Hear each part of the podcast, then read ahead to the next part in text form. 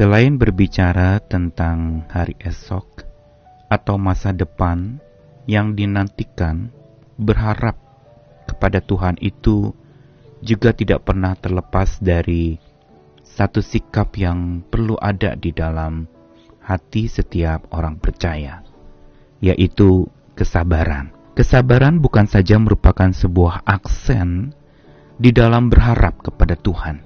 Aksen artinya adalah penekanan, satu hal yang perlu digarisbawahi di dalam penantian atau pengharapan kepada Tuhan.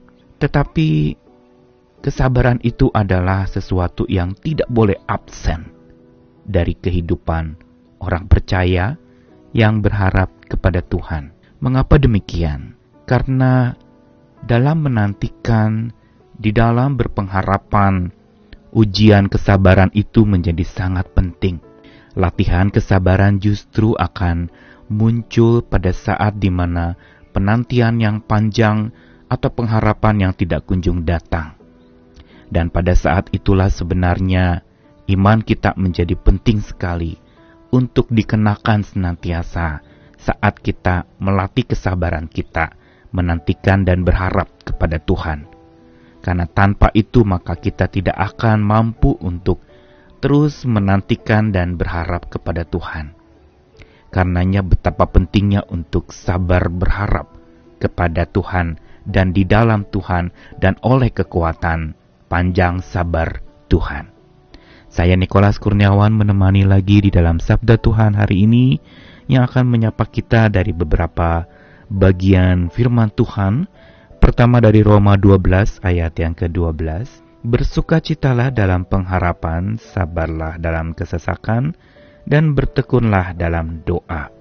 Lalu selanjutnya dari 2 Korintus 6 ayat 4 sampai 10, Sebaliknya dalam segala hal kami menunjukkan bahwa kami adalah pelayan Allah, yaitu dalam menahan dengan penuh kesabaran dalam penderitaan, kesesakan dan kesukaran, dalam menanggung dera, dalam penjara dan kerusuhan, dalam berjeripayah, dalam berjaga-jaga dan berpuasa, dalam kemurnian hati, pengetahuan, kesabaran dan kemurahan hati, dalam roh kudus dan kasih yang tidak munafik, dalam pemberitaan kebenaran dan kekuasaan Allah, dengan menggunakan senjata-senjata keadilan, untuk menyerang ataupun untuk membela, ketika dihormati dan ketika dihina, ketika diumpat atau ketika dipuji, ketika dianggap sebagai penipu namun dipercayai, sebagai orang yang tidak dikenal namun terkenal, sebagai orang yang nyaris mati dan sungguh kami hidup, sebagai orang yang dihajar namun tidak mati, sebagai orang berduka cita namun senantiasa bersuka cita sebagai orang miskin namun memperkaya banyak orang, sebagai orang tak bermilik, sekalipun kami memiliki segala sesuatu. Ungkapan dari Roma dan Korintus yang tadi sudah dibacakan adalah ungkapan dari seorang rasul yang bernama Paulus, yang tentu saja kita sudah tidak asing lagi dengan bagaimana Tuhan memakai Rasul Paulus menjadi alat yang memberi pengharapan kepada banyak orang lewat pemberitaan Injilnya, lewat pelayanannya, bahkan lewat kesaksian penderitaannya yang dia tanggung habis-habisan selama dia melayani Tuhan. Di sinilah kita melihat bagaimana Paulus menjadi contoh teladan orang yang bersabar menantikan pengharapan yang daripada Tuhan, bersabar menantikan kelepasan, keselamatan, dan pembebasan hidupnya dari tekanan dan penderitaan serta kesengsaraan yang berat. Dan di dalam ayat yang ke-12 dari Roma pasal 12 tadi, Paulus mengingatkan tentang jemaat di Roma yang juga sedang ada di dalam sebuah kesesakan, untuk tetap bersuka cita di dalam pengharapan, untuk sabar di dalam kesesakan dan bertekun dalam doa. Ketiganya ini merupakan satu padu pesan penting bagi setiap orang percaya yang sedang ada di dalam kesesakan hidup, yaitu bersuka cita, bersabar, dan bertekun. Dan bila ketiganya ini disatukan, maka sesungguhnya ketiga-tiganya itu kalau dengan kekuatan kita, manusia yang terbatas, akan sulit untuk dilakukan. Bagaimana bisa tetap bersuka cita di dalam kesusahan? Bagaimana untuk bisa tetap sabar di dalam kesesakan? Dan bagaimana bisa dapat tetap bertekun di dalam doa bila penuh dengan penderitaan dan pengharapan yang tidak kunjung datang, serta penantian yang sangat panjang. Tetapi Paulus merangkumkan dengan satu hal yang begitu penting, yaitu di dalam surat Korintus tadi, bahwa sikap bersabar di dalam berpengharapan dan menantikan Tuhan itu merupakan sikap di mana kesaksian pelayan Allah itu akan tampak. Makanya dia mengatakan, dalam segala hal kami menunjukkan kami adalah pelayan Allah. Salah satunya adalah menunjukkan diri sebagai hamba-hamba Allah adalah dengan penuh kesabaran menanggung penderitaan, kesesakan, dan kesukaran. Begitu juga menanggung derak, derak dan penjara dan kerusuhan. Menanggung kesabaran itu di dalam berjerih payah, dalam berjaga-jaga dan berpuasa, dalam kemurnian hati, dalam pengetahuan, dan dengan segala rangkaian yang panjang, Paulus menyatakan bahwa bersabar di dalam berharap itu menjadi begitu sangat penting. Itu tidak boleh tidak ada di dalam hidup orang percaya. Tidak boleh absen.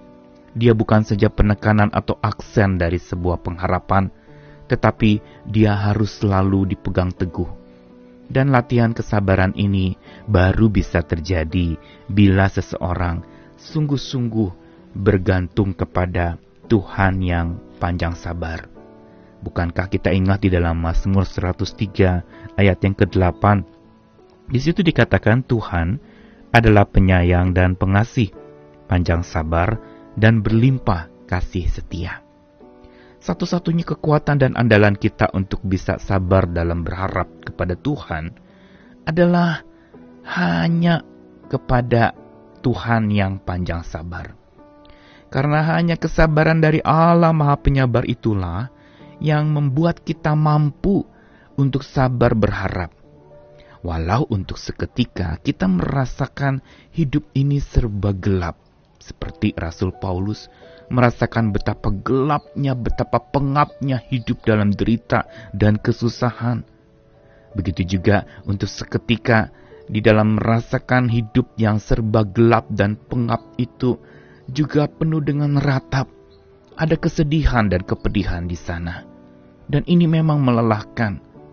Apalagi pada saat itu, hidup tampak berkabut dan tidak dapat merasakan kehadiran Tuhan. Seolah-olah Tuhan absen dari kehidupan kita. Karena itu pada saat kita merasa Tuhan absen, tidak hadir di dalam hidup kita, Di situlah sebenarnya kita sedang diuji agar kesabaran kita dalam berharap kepada Tuhan itu tidak absen dari hidup kita. Dipegang teguh dengan kokoh sambil bergantung penuh kepada Tuhan Sang Maha Penyabar.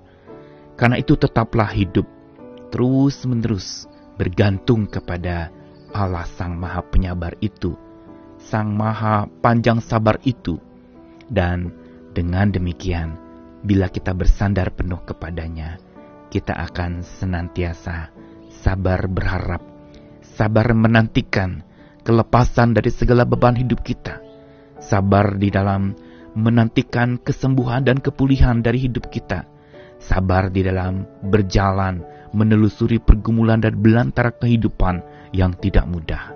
Bersama dengan Allah, kita bisa sabar berharap. Amin.